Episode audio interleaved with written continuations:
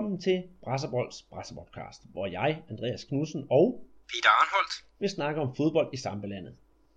Rubinho tryllede for Atletico Mineiro i weekendens kamp, og driblekongen kan måske spille sig bag i landsholdsvarmen.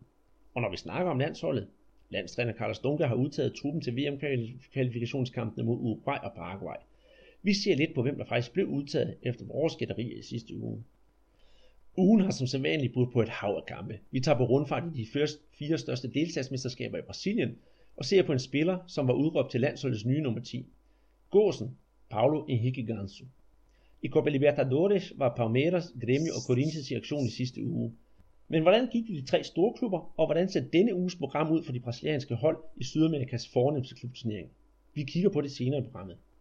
Danskerhjørnet er blevet en mand færdigere efter japanske Yokohama Marinos satte kløerne i den tidligere OB-angriber Kaike. Vi kan også melde om en enkelt score af en spiller med fortid i Superligaen. Hør hvem det var. Og afslutningsvis giver vi vores bud på, hvorfor man i Brasilien siger Go, når der scores.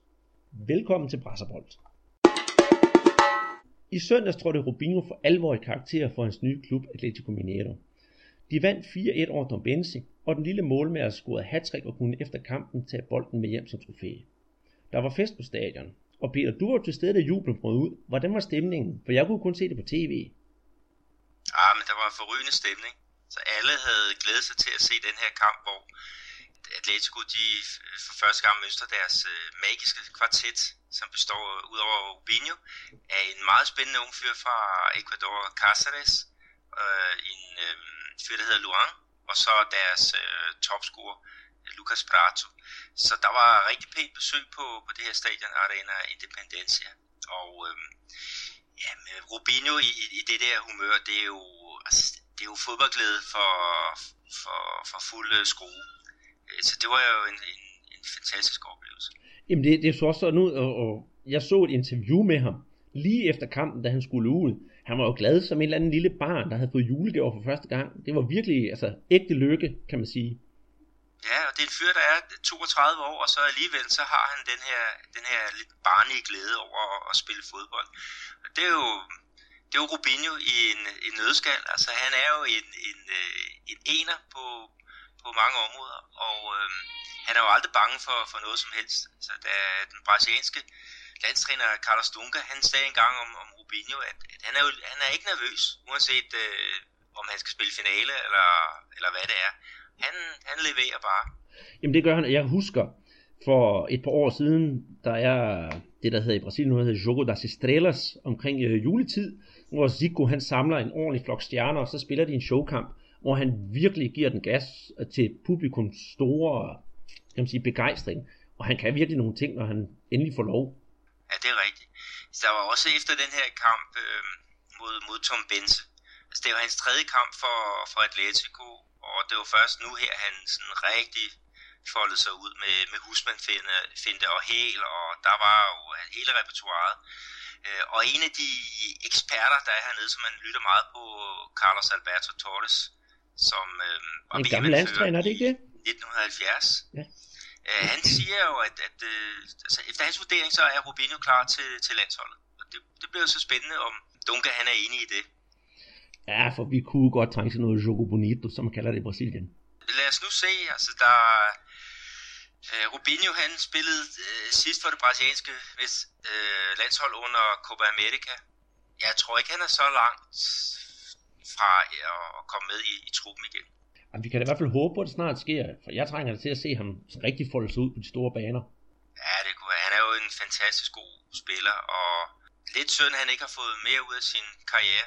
Øh, selvom han har en masse, en masse mesterskaber på sit øh, CV, så havde man skulle regne med, at, at han, han havde været helt op og, og ringe og kandidat til, til verdens bedste fodboldspiller på et tidspunkt. Men, øh, men øh, der har han måske manglet lidt, lidt øh, på, på det mentale plan. Men så er det jo fedt, at hans, hans øh, efterfølger i, i Santos, at, at Neymar han, han virkelig ser ud til at, at gå hele vejen.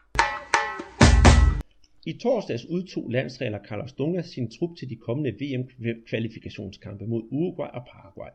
I sidste uges podcast gav vi vores egne bud på, hvilke spillere, der som skulle indgå i idealopstillingen. Hvem fik ret, og hvem gættede forkert?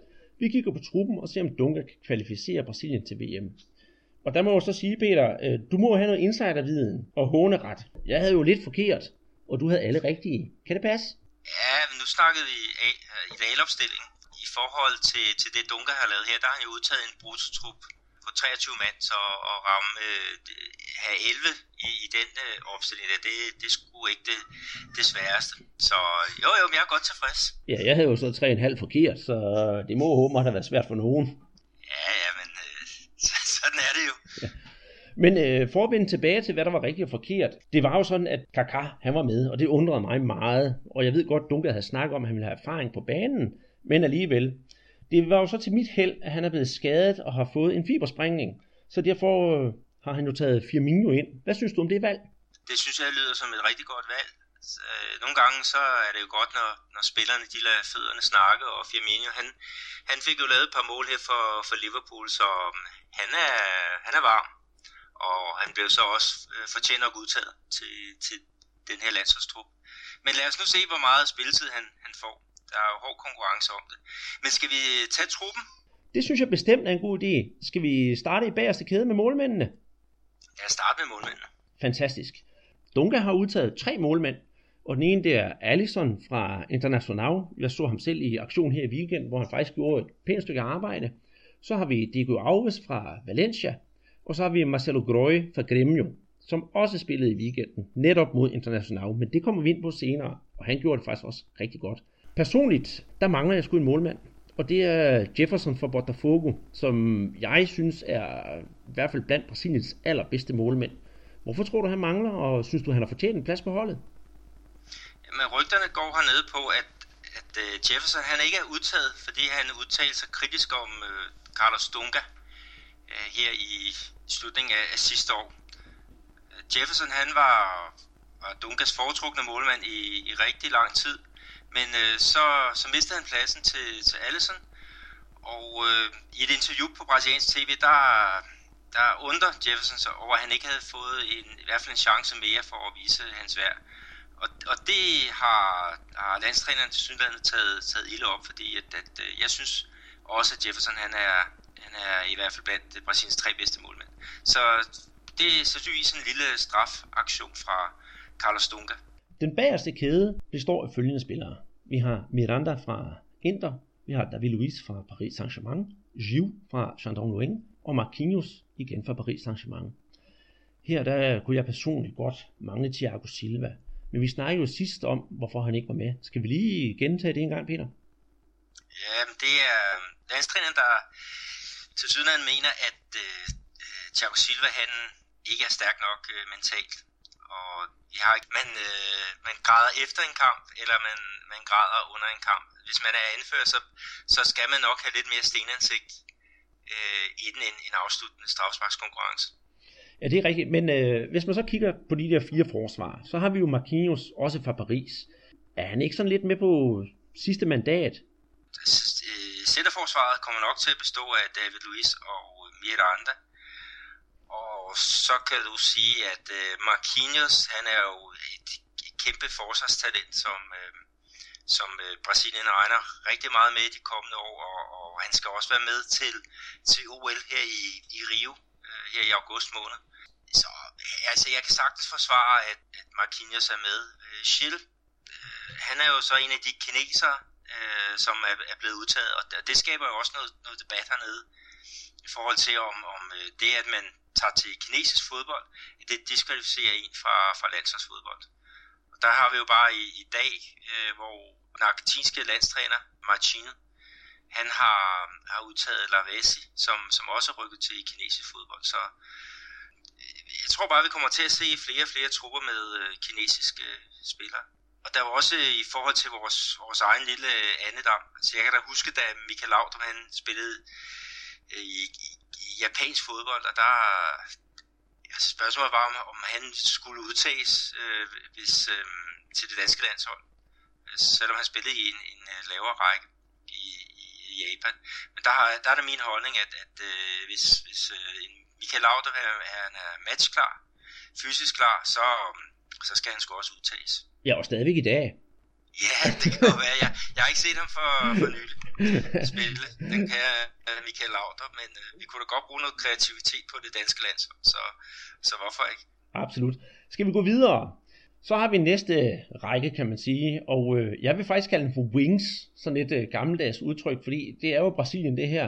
Der har vi så Danilo fra Real Madrid, Daniel Alves fra Barcelona, Felipe Luis fra Atletico Madrid og Alexandro fra Juventus.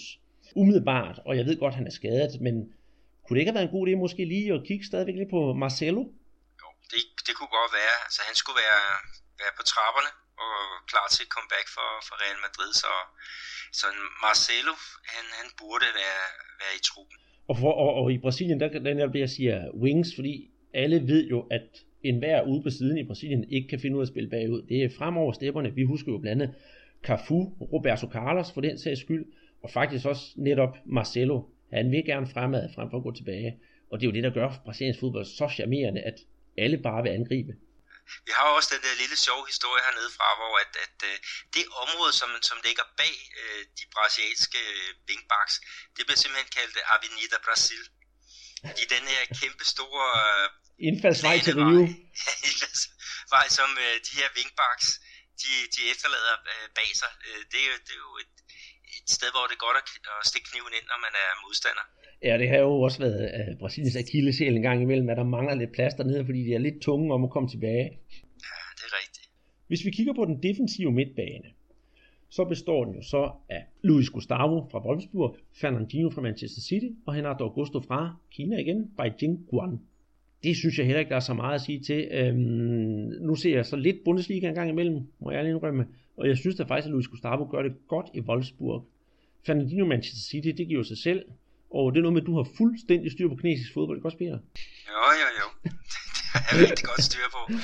Renato Augusto øh, er jo kommet til, øh, til Kina, og, og der var mange, der spekulerer på, om, om øh, netop det der med, at, at han dermed meldte sig ud af, af landsholdstruppen, men øh, han har, han har fået chancen, og Dunga han har jo også måttet uh, se bort fra Elias, som uh, er den midtbanedynamo fra, fra Corinthians, som er ude med, med en skade. Og der har været spekulationer om, at Renato Augusto han godt kunne gå ind og tage den der position efter, efter Elias.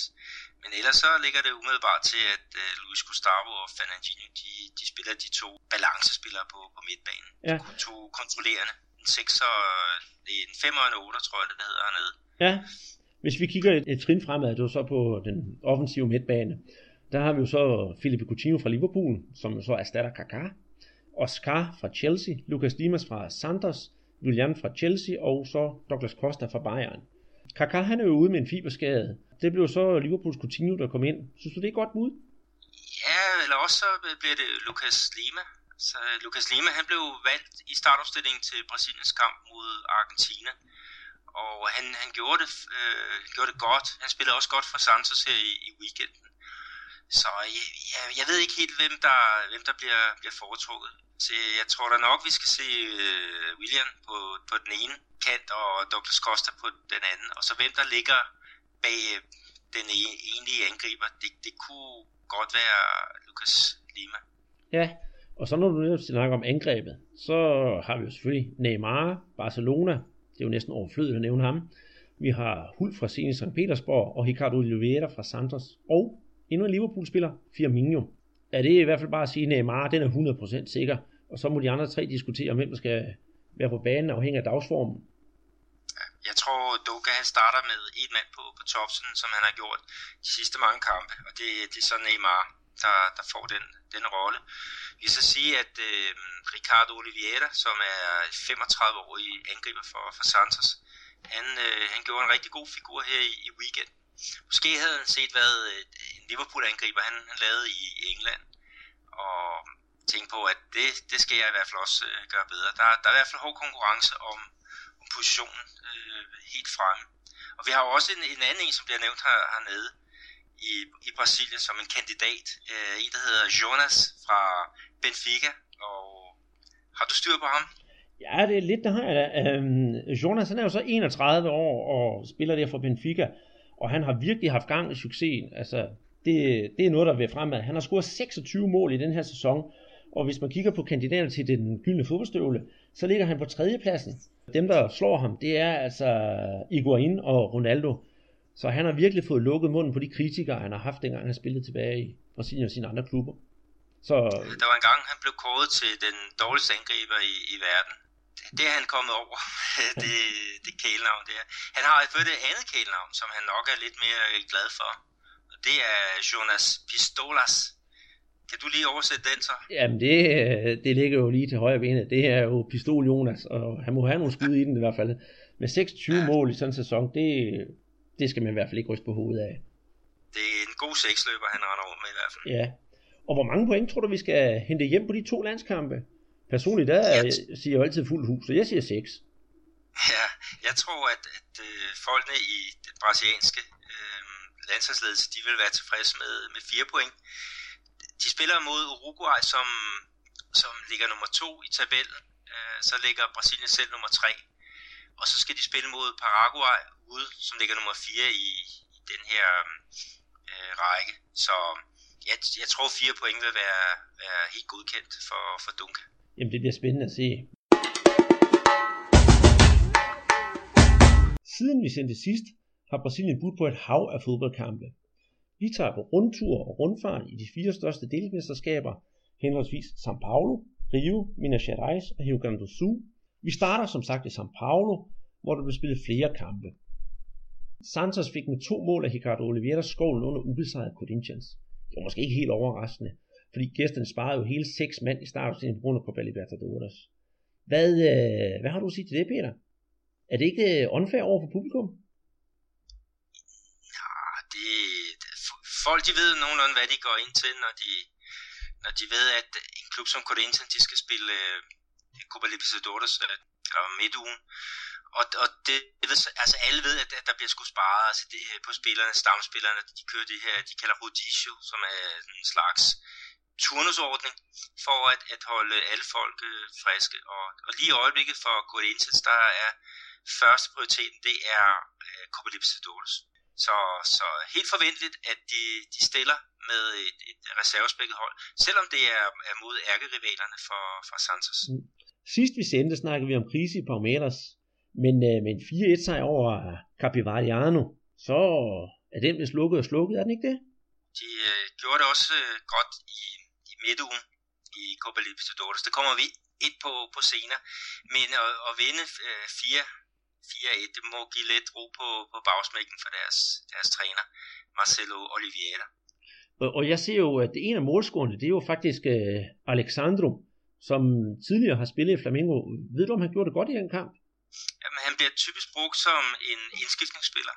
De sidste par kampe, der har, har Marcelo Oliveira, han har valgt en argentinsk angriber, der hedder Cristaldo. Han er sådan, ja, jeg vil kalde ham lidt øh, småkvapset øh, angriber, men øh, han har en, en rigtig god teknik, og han har nu scoret de sidste øh, to kampe. Så Cristaldo, han, han sidder på, på den der ene angriber, og så har de selvfølgelig Gabriel Jesus. Han, han ligger så typisk på, øh, på en af kanterne. Så, så det er Alexandro, han er jokeren i, i Palmeiras for tiden. Anderledes værre gik det for São Paulo, der med 3-1 hjemmebane nederlag til São Bernardo måtte bide i græsset. Og det skulle ellers være en ordentlig festdag, da Paulo Henrique Ganso, São Paulos store profil, spillede sin kamp nummer 200, men der startede med at fejre med en scoring, og det var faktisk en ret flot scoring. Jeg så selv kampen og forventede meget af den. São Paulo spillede rigtig godt, indtil de scorede, og herefter kollapsede de fuldstændig og tabte 3-1. San Bernardo, det var et hold, jeg overhovedet ikke kendte. Er det, er det noget, der er typisk for sådan et hold som São Paulo at svigte sådan? De har jo haft krise her i år, bare i Copa Libertadores, der har de jo heller ikke gjort det fantastisk godt.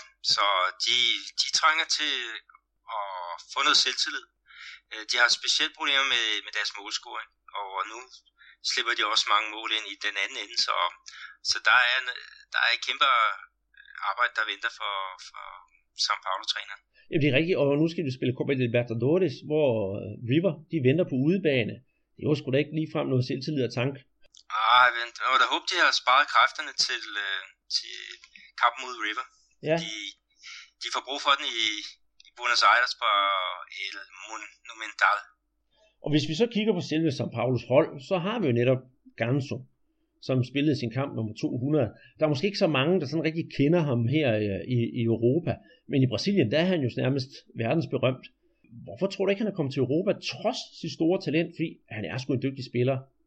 Han er en rigtig dygtig spiller, og, og han er udklækket i, i Santos, hvor han nærmest blev kaldt en, en tvilling til Neymar.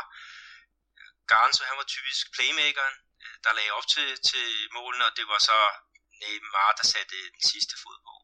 Men de, havde fortsat ikke i Santos, at de ikke kunne finde ud af en, en kontrakt. Det udnyttede øh, St. Øh, til at, få, få Ganso til, til dem.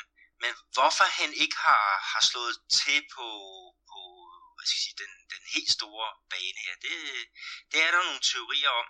Øh, Clarence Seedorf, som, som spillede i Botafogo her for, var det to-tre år siden, ja. han blev netop spurgt om, om uh, Ganso, og hvorfor han ikke uh, er blevet hentet til, til Europa.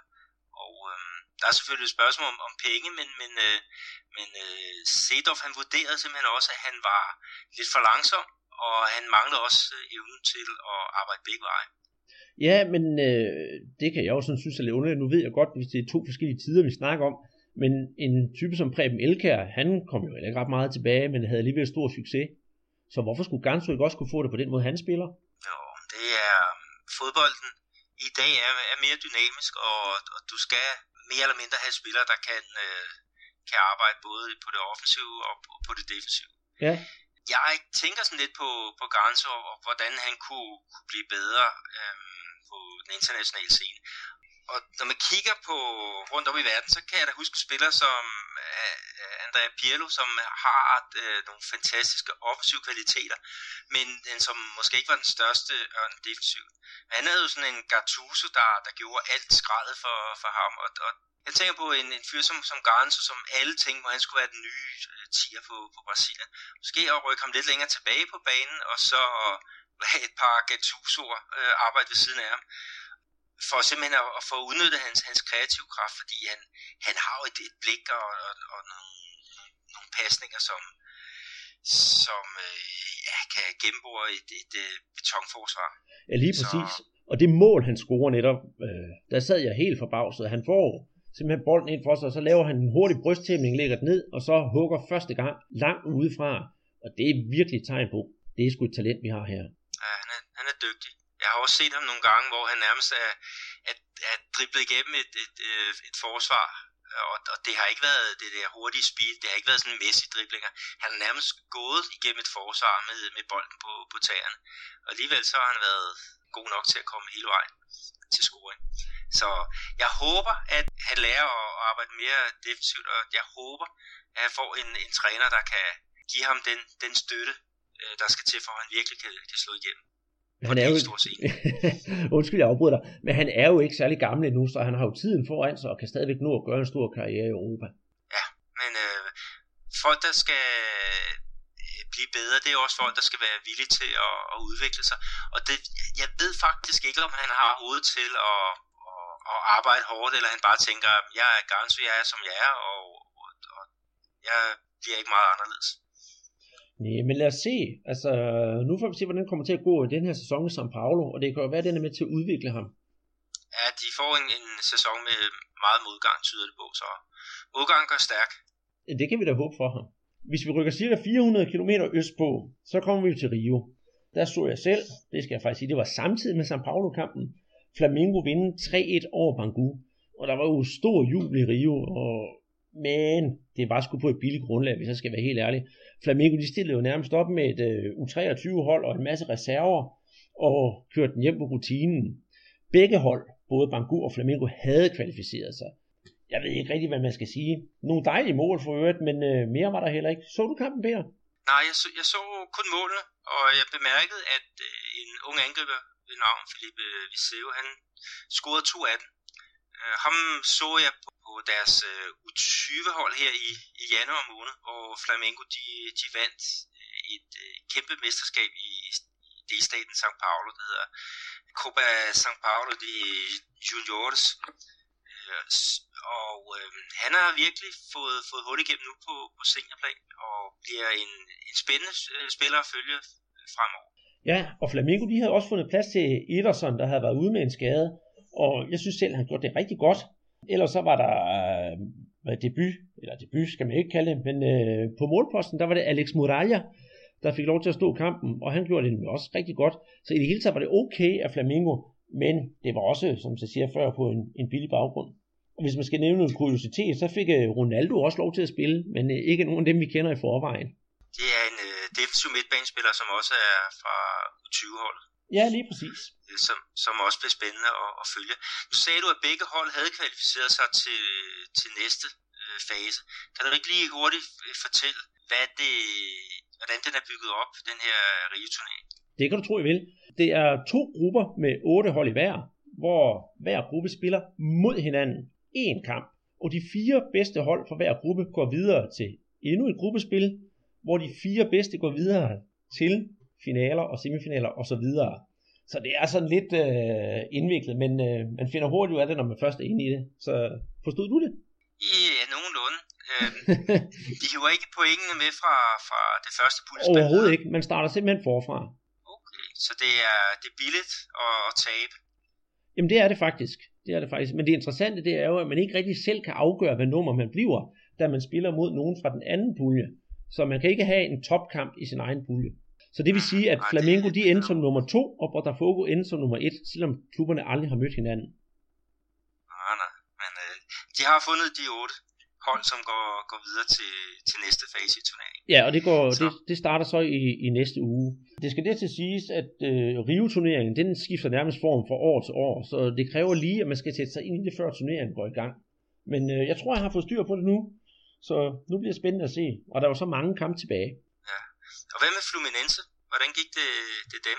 Det er jo dem, der, der fyrede deres øh, træner for derefter at genansætte ham, og har de øh, fundet en ny træner? Ja, det har de faktisk. Den nye træner hos Utricolor hedder Livia Kulbi.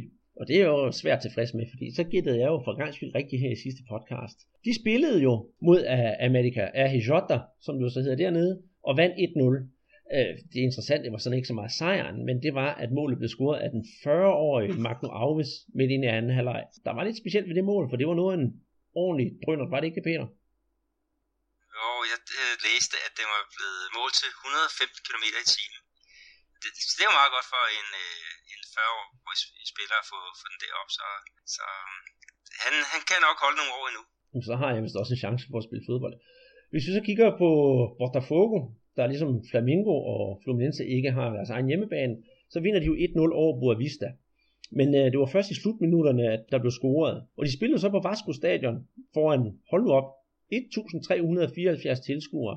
Det må vist være en bundrekord efterhånden. Det, der er, øh, det er svært at trække tilskuere til, til de her regionale mesterskaber. Og øh, jeg mener at have læst, at øh, gennemsnitligt tilskuerantal til, til de her kampe er halveret i, i Rio fra, fra sidste år. Så der kan man virkelig snakke om noget tilskuerkrise, og, og spørgsmålet er ikke om, om øh, man skal kigge lidt på, på selve turneringsstrukturen i, i Brasilien og prøve at få det gjort lidt mere publikumsvenligt. Ja, øh, jeg husker tidligere på året, øh, Flamingo de spillede en eller anden udkamp. Jeg vil ikke hænge op på det, men, men der var et eller andet med, at der var 4.000 tilskuere, men der var kun 300 af dem, der havde betalt for at komme ind. Så det er jo også en fesen omgang, når man ikke engang kan trække flere til på så store hold. Ja, det, det, det, det er synd. Mm. Men øhm, der er jo nogle af klubberne, der snakker om at, at prøve at rykke øh, nogle af deres kampe til, til andre stater. Det snakker vi om i, i sidste uge. Det er rigtigt, ja. Og at du kom ind på blandt andet øh, Flamingo. Øh, jeg ved ikke, om du hurtigt kunne gentage pointen i, i, i, i det. Ja, altså Flamingo de ville jo gerne udlægge deres kampe, så de kunne spille dem for eksempel i, i, i, i Brasilia, for at få fanskere. De har jo fanskere over hele landet. Så for fanskaren, der er andre steder, også kan få noget kan man sige, udbytte af deres fodbold, så vil de gerne have, at de kunne spille i for eksempel Brasilia. Og det jo, synes jeg egentlig var en ret god idé, men på den anden side set, hvis man skal kigge med de kedelige briller på det, og det vil jeg jo helst ikke, så kan det jo godt gå hen og blive så lidt uh, Harlem Globetrotters-agtigt, at man skal ud og lave lidt showfodbold. Men det tror jeg ikke uh, kommer til at have en stor betydning. Tror du det? Nej, jeg, jeg tror heller ikke, at, at det er en god idé at flytte nogle af Flamingos kampe mod de mindre hold give mindre rivehold til for eksempel øh, Brasilia. Det, det, jeg tror ikke, at det vil, det vil fange så mange øh, tilskuere. Altså det skal være Øh, for eksempel Flamengo mod øh, Fluminense, det skal være Flamengo mod, øh, mod Botafogo, øh, som skal rykkes til, til de her øh, stadions i, i andre delstater, for at få det her publikum øh, til at, at strømme til. Ja, selvfølgelig, og så skal man så tænke på, de små klubber har nok heller ikke råd til at flytte et, et selvom de er professionelle, så flytte et hold helt til Brasilia for at spille fodbold. Men øhm, hvis vi vender tilbage til selve bolden, så har jo dit hjertebarn Vasco. Hvordan gik det dem? Mm. Jamen Vasco, de havde en, en god dag. De vandt 3-1 over Bon Successo. Og en, en angriber, der hedder Thales, han brillerede med, med to mål og så en, en enkelt assist. Og ham, der lavede sidste, det sidste mål, det var selvfølgelig Nene, som, ja, som er eneren på, på Vascos hold.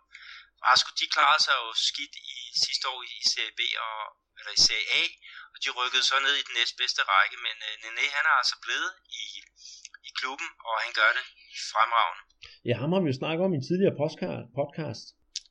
Han har, det han viser i øjeblikket, det er, det er ren landsholdsklasse. Ja, så det var det, vi snakker om. Han var en ældre herre, men alligevel viser klassen, og han ville jo også gerne tilbage på landsholdet. Var det ikke sådan, det var? Jo, han har ytret ønsker om at, at komme tilbage. Og lad os nu se, hvad der, hvad der sker. Altså, der er jo blandt andet en Copa America, der ligger og lurer øh, i det er juni, juni måned, tror jeg det er. Ja, der må vi jo se, om, om øh, han kommer med det. Altså, han kunne da være en, en, en sjov fyr at, at få med, selvom, selvom øh, han er lidt, lidt oppe i åren. Det synes jeg nu heller ikke gør noget. Det kunne også være rart at se noget anderledes, så det ikke bare altid tordenskjold soldater, der stiller op. Ja. I din hjemstad, Peter, der blev der også spillet fodbold. Vi har jo gennemgået kampen med Rubinho, men der er kommet et nyt tophold i den der statsturnering, og det er Cruzeiro. De vandt vist 1-0. Crusader, de vandt over øh, sidste års overraskelse fra Caldense, og det gør, at de rykkede op på førstepladsen i det her grundspil. Målscoren, det er en fyr, som hedder Allison, som, som vi skal bide mærke i, fordi han, han er en øh, komplet spiller i, i mine øjne. Han har været noget skadespladet, men øh, han øh, er så dygtig, så han er med i, i, i den brasilianske landsholdstrup til, til OL her i august måned når vi snakker om, om selve Cruzeiro, så mangler de stadig noget, noget flow i der, deres spil, og de har en, øh, en urutineret træner i en fyr, der hedder David, der er kanon pres på ham lige i øjeblikket. Så selvom man er tophold, så kan sæde stadigvæk øh, brænde under en. Så lad os se, hvor lang tid han holder, øh, David. Jeg, jeg tvivler på, at han, han holder måneden ud. Men alligevel, de er jo faktisk det eneste hold i uh, den turnering, der ikke har tabt. Alle har tabt, undtagen Cruzeiro. Så det er ja, lidt... Men det øh, er, det er spillet på banen, som, som har manglet. Og de er jo også med i en, en øh, anden turnering, øh, den der, der hedder Primera Liga. Vores piratturnering. Øh, kalder jo netop, ja. Og der, der fik de tæsk af Fluminense. Det, det ser bare ikke øh, godt nok ud. Altså, Cruzeiro vandt det brasilianske mesterskab i 2013 og 14. Og så havde de en rigtig skidt sæson sidste år, hvor de skiftede træner to gange. Så jeg, jeg tror, de bruger de her delstatsmesterskaber til at, at prøve at få, få holdet på, på fod igen, fordi ambitionerne det er, at de skal op og spille om, om mesterskab. Og, og hvis øh, David G. han ikke er, er mand, de, de, ledelsen føler, at, at, øh, at han er mand til at, at, at få klubben helt deroppe igen, så, så ryger han. Ingen tvivl om det. Men øh, en anden øh, sjov øh, historie dernede fra, det er, at øh, Villanova, som øh, sidste, i sidste uge gav debut til, til Kærleren. Øh, de er kommet op på, på tredjepladsen nu i, i, i den her turnering. De vandt 1-0 ud over Tupi fra byen øh, Juste de Og det blev Roger Gajero, som, som scorede efter 30 minutter. Vores øh, mand med selvdribling, øh, Kærleren, han fik de sidste 20 minutter på, på banen, så, så han er virkelig kommet ind i, i varme igen. Mangler han ikke ja, at lave driblingen? Den, den, den er ikke kommet endnu, ja. men øh, lurer mig, om den ikke kommer i, i løbet af den her turnering, men nu skal han lige have fodfæste. Mm, når man kigger på øh, selve stillingen i den her, den her turnering, så er der noget, der undrer mig, det er, at Amerika MG, som altså er rykket op i den bedste brasilianske række her i år, de er på femtepladsen. Øh, ved du, hvad der er gået galt for dem? Nej, de har, de har simpelthen bare haft et hårdt program. De har spillet i Primera Liga, og, og deres trænere, som, som i sidste uge blev æresborger her i, i, i byen, fordi han har sikret oprykning tre gange til Amerika. Han er ikke så meget for det her rotationsprincip, og de ser trætte ud lige i, i øjeblikket. Og de har tabt øh, et par kampe med, med 1-0. Så, så de skal til at rotere lidt mere på, på positionerne, og så tror jeg også, de kommer op i, i top 4. Ja, og så er det vel øh, Uberlanja, der må overlade pladsen til, at, til Amerika MG går ud fra. Ja, altså jeg, jeg tror, de, de fire i, i den semifinale, altså de spiller et grundspil, øh, på, hvor alle møder alle en, en enkelt gang, og, og de fire bedste, de går til, til semifinale, og det bliver Cruzeiro, det bliver Atletico Mineiro, det bliver Villanova, og det bliver America Mineiro. Så det, det er i hvert fald min bud. Og der er god tid til, de har jo kun spillet seks kampe i grundspil indtil videre, så lad os se, hvordan det går. Lad os se. I den sydlige del af Brasilien bliver der spillet Campeonato Gaúcho. Det foregår i staten Rio Grande do Sul. Og når man snakker om store brasilianske fodboldopgør, vil mange brasilianere selvfølgelig vende blikket mod syd og sige Grenau. De to klubber Grêmio og Internacional har begge hjemme på Porto Alegre og er indbegrebet af arvefjender. Grêmio, klubben som er kendt for spillere som f.eks. Paulo Nunes, Ronaldinho og Manchester Uniteds Anderson, er helt klart byens duks. Klubben har mange sejre på kontoen og har blandt andet vundet VM for klubhold tilbage i 1983. Lillebroren fra International har altid stået i skyggen af Grêmio, men har alligevel høstet store succeser. Det er gennem tiden blevet tre brasilianske mesterskaber, to Copa Libertadores titler og hele 44 regionale mesterskaber. Desuden kan klubben bryste sig at have haft Diego Forlan i truppen, som spillede der fra 2012 til 2014. Søndag aften mødtes de to i endnu et derby, hvor 48.000 mennesker stod dem spille 0-0. Men øh, det betyder jo ikke, at det gik stille af sig. Så du kampen, Peter? Nej, jeg fik ikke set den, og jeg prøvede jo at finde målet, men det var der jo ikke nogen af, når den ender 0-0. Men øh, det blev jo kaldt det ondeste derby i, i Brasilien. Øh, og øh, var det så ondt? Jamen, øh, jeg havde jo fornøjelsen af at se det på din anbefaling, og det fortryder jeg bestemt ikke. Ja, det, jeg synes, det var rimelig ondt. Det var meget intens stemning. Syv gule kort og et rødt. Og hvad jeg lagde mærke til, det var øh, selvfølgelig de to målmænd, som begge to er udtaget til landsholdet. Og så en øh, fyr, der hedder Sasha. Han kunne virkelig have sparket støvlerne. Og han synes, jeg synes bestemt, han var kampens store profil. Er det en, du kender noget til? Ja, jeg, jeg har set ham i et, et års tid. Og han er en fyr, som, som har været meget øh, pladet af skader, og det, det er grunden til, at han, han, han popper op, og så forsvinder han, og så popper han op igen. Så hvis han øh, bliver, holder sig skadesfri, så, så bliver han første angriber for, for international. Det, det er jeg ikke i tvivl om. Ja, og jeg synes, at øh, set over hele kampen, at, at det var da måske okay med 0-0, men International var faktisk lige en kende bedre. Så jeg kunne godt frygte lidt for Gremio, som skal spille øh, Copa Libertadores igen her, hvordan det vil så gå dem. Men hvis de bare kan holde kadencen fra den her kamp, vi gjorde her, så tror jeg nok, de kan få et godt resultat med hjem. Ja, det må, må tiden vise. Altså, det er jo et hårdt program, som de vil budt på her i, i Brasilien. Det er om at spille sin, øh, sin kort rigtigt, og jeg, jeg tror, at, at uh, Grêmio, de, de skulle i og for sig nok tilfreds med, med 0-0, hvis de har kunne, kunne spare nogle kræfter øh, og, og se frem mod øh, Copa Libertadores, som uanset hvad vil have først prioritet. Det skal det have. Jamen, jamen det er rigtigt, men, men jeg synes alligevel, det var spændende. Det var, en, det var en god kamp at se, og jævnføre vores snak om Rio-klubberne, som spiller for tomme stadion og sådan noget her. Så det her, det var sgu en kamp, der havde nerve og intensitet. Det kunne så godt være en topkamp i den brasilianske liga, som ville være senere på året. Men det er jo kun statsmesterskab. Så dernede, der kan de skulle finde ud af at gå til den. Ja, det, det er, der bliver spillet hårdt fodbold i uh, Grande do Sul. Uh, de plejer jo at nummerere de her derbys, og uh, jeg har fundet frem til, at det her, det var så derby Grenal nummer 409 i rækken. Så det er en, det er en lang historie, som, som de to klubber har.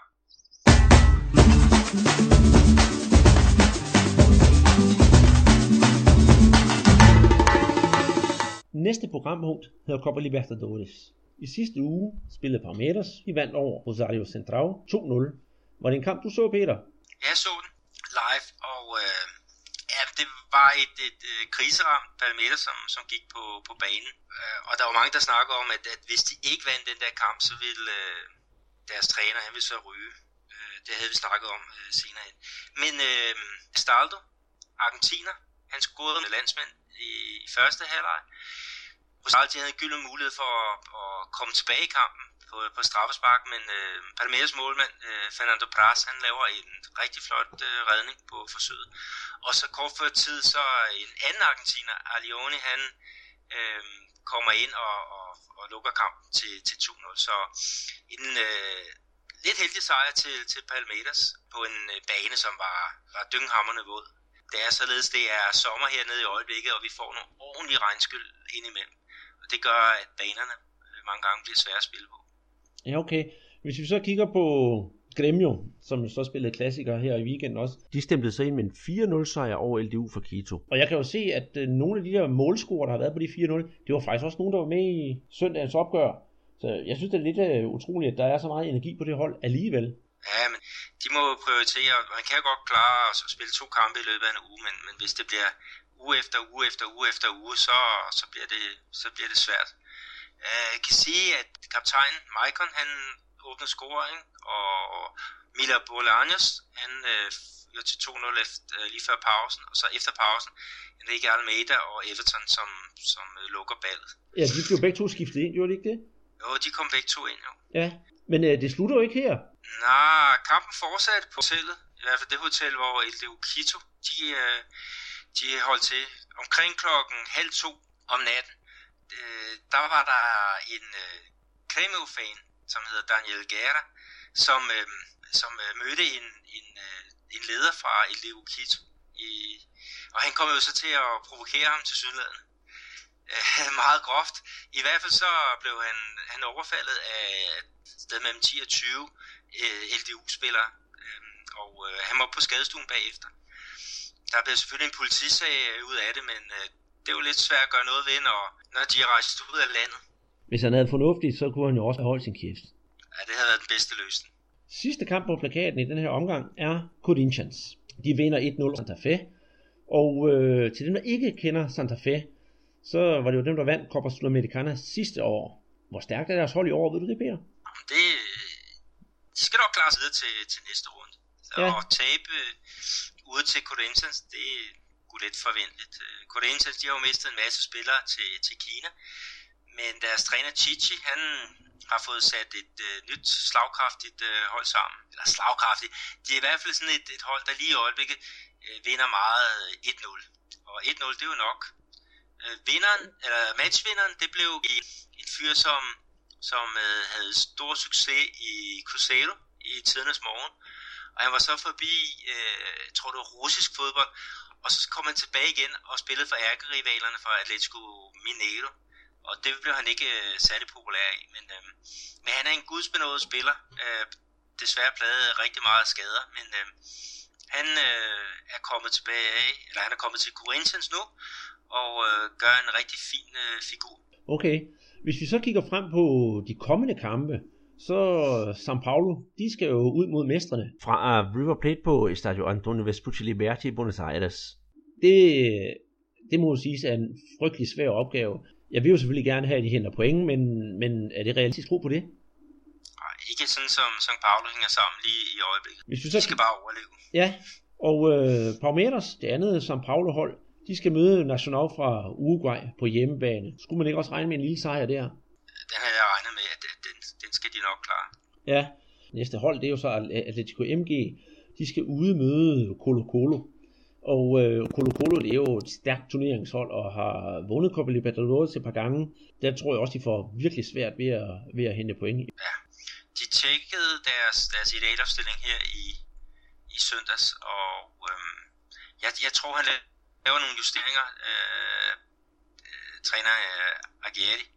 Øh, de har en, en, en dygtig spiller, der hedder Patrick, som er en, en tovejsspiller, øh, og jeg tror, han bliver bliver sat øh, ind på, på holdet i stedet for den netbenede fyr, der hedder Casares fra, fra Ecuador. Han spillede ellers første halvleg her i, i søndags, men, men jeg, jeg tror, at, at, øh, at det logisk er, at de, de prøver at forstærke deres uh, defensiv og får at hive et point med hjem. Colo Colo har også været godt kørende i den chilenske liga, så det er for, for, for holdet her fra min by. Ja, ja. Øh, nu har vi jo to gange vendt øh, Gremio. Øh, de møder så Lorenzo, og jeg sagde jo selv i, efter gennemgangen af Grenau, at det kunne godt være, at de fik det lidt svært, øh, fordi de havde brugt alle kræfterne. Men øh, Monique klarer alligevel, de har jo tur i den. Både med lokalderby sejren, og så sejren her i sidste uge med de 4-0. Skal vi gætte på en Gremio-sejr alligevel? Ja, det, det, de skal næsten også have en sejr. Det skal San Lorenzo for den sags skyld også. Øh, de er kommet dårligt øh, fra start, øh, Pavens hold, så, så det bliver en, en kamp, hvor nerverne kommer ud på, på trøjen. Altså, øh, Gremio og San Lorenzo, øh, de to sidste hold i deres pulje, det er, er hold, som, som har fordel af, af, af højderne. Så altså, man skal bare have point hjemme og samle sammen til de, de, de svære udkampe. Ja, sidste brasilianske hold, det er jo så Corinthians.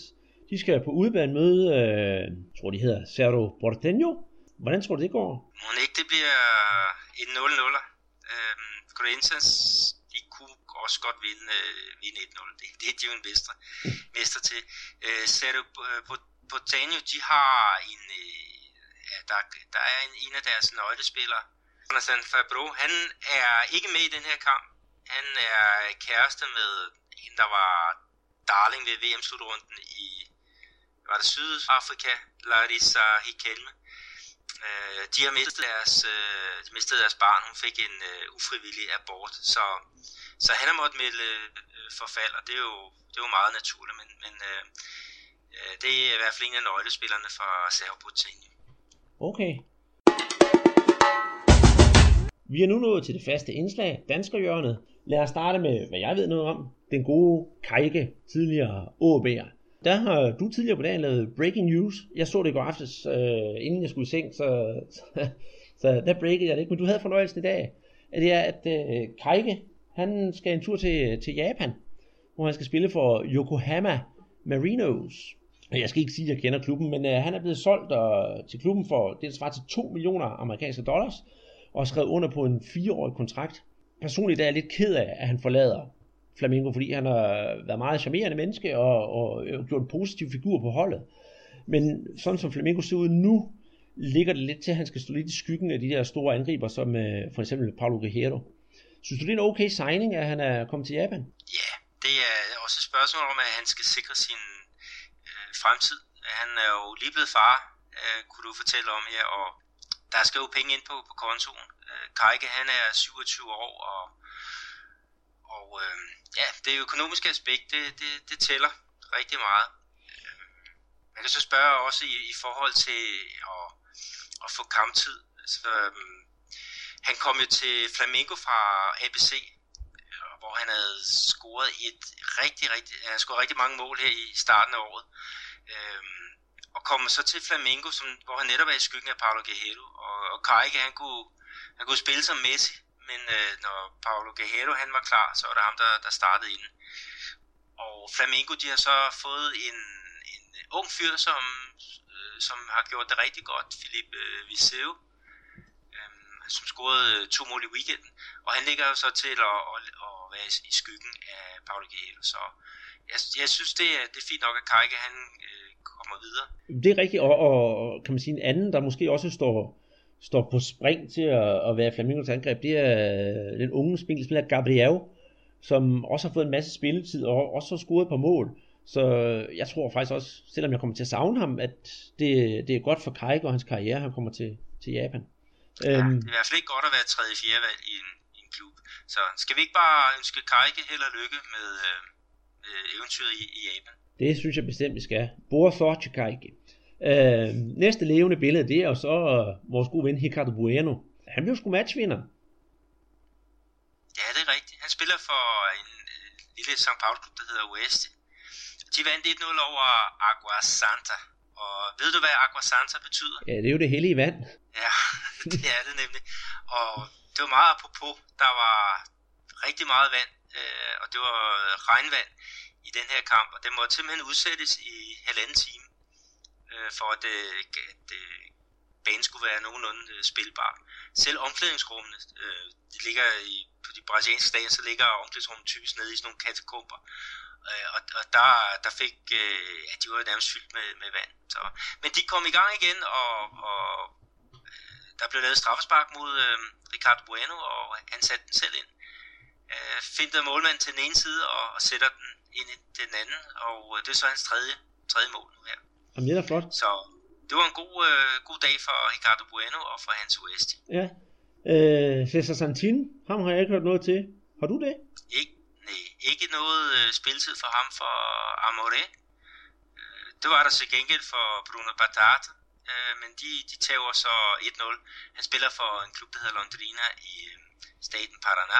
Tullio Di Melo, øh, han har været skadet, men, men kom ind og fik de sidste 10 minutter i 1-1-kampen øh, mod Nautico. Øh, Tullio, han spiller for Sport Recife, og Nautico, det er en af deres store øh, rivaler, så der var, de fik i hvert fald 1-1. De, de spillede også mod hinanden i, i midtugen, og der, der vandt øh, Sport, de vandt så, mener, det var 2-0. Men det var Tullio, de Melo, han var ude med, med en skade. Ja, øh, vi har snuset en ny spiller op. Øh, den tidligere Viborg Fodsportsforening spiller Luis Carlos. Øh, han var med for at spille... Øh, hvem er det, han spiller for? Kan du huske det? Han spiller for et hold oppe i, øh, i staten øh, Ceará.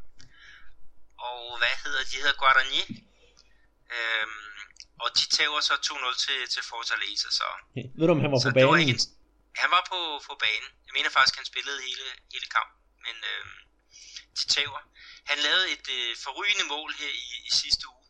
Øh, hvor, øh, hvor hans klub, Guarani, de tager 3-1 til øh, Ceará. Og det er simpelthen et, et øh, mål, han, han scorer efter, efter opgivning. Altså, Serra havde bragt sig foran 3-0. Og i næste moment, altså minutter efter, så har Luis Carlos, han simpelthen banket den fra midtercirklen og ned i, i modstanderens mål. Så, så han har skudt i støvlen. Men øh, han har ikke så mange point på, på konto. I hvert fald ikke hans hold. Øh, det kan være, det kommer.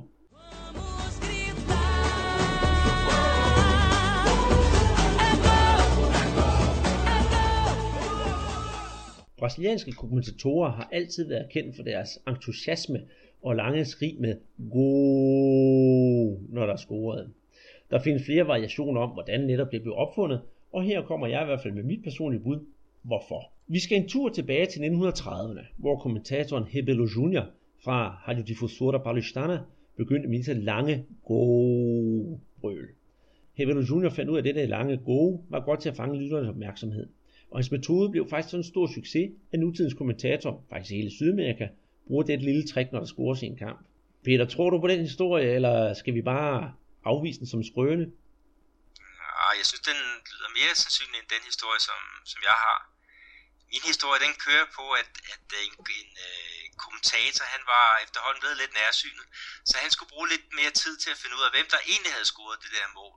Så ved at brøle goal, så havde, havde en af hans medhjælpere nemlig tid til at notere navnet på, på målscoren og, og stikke ham det i hånden. Og så kunne han jo, når han havde brøllet færdig, så kunne han jo opgive det korrekte navn på, på denne målscorer. Så det, det er sådan, som jeg har, har hørt historien, men om den er, er, er sand, det vil jeg nu tvivle lidt på.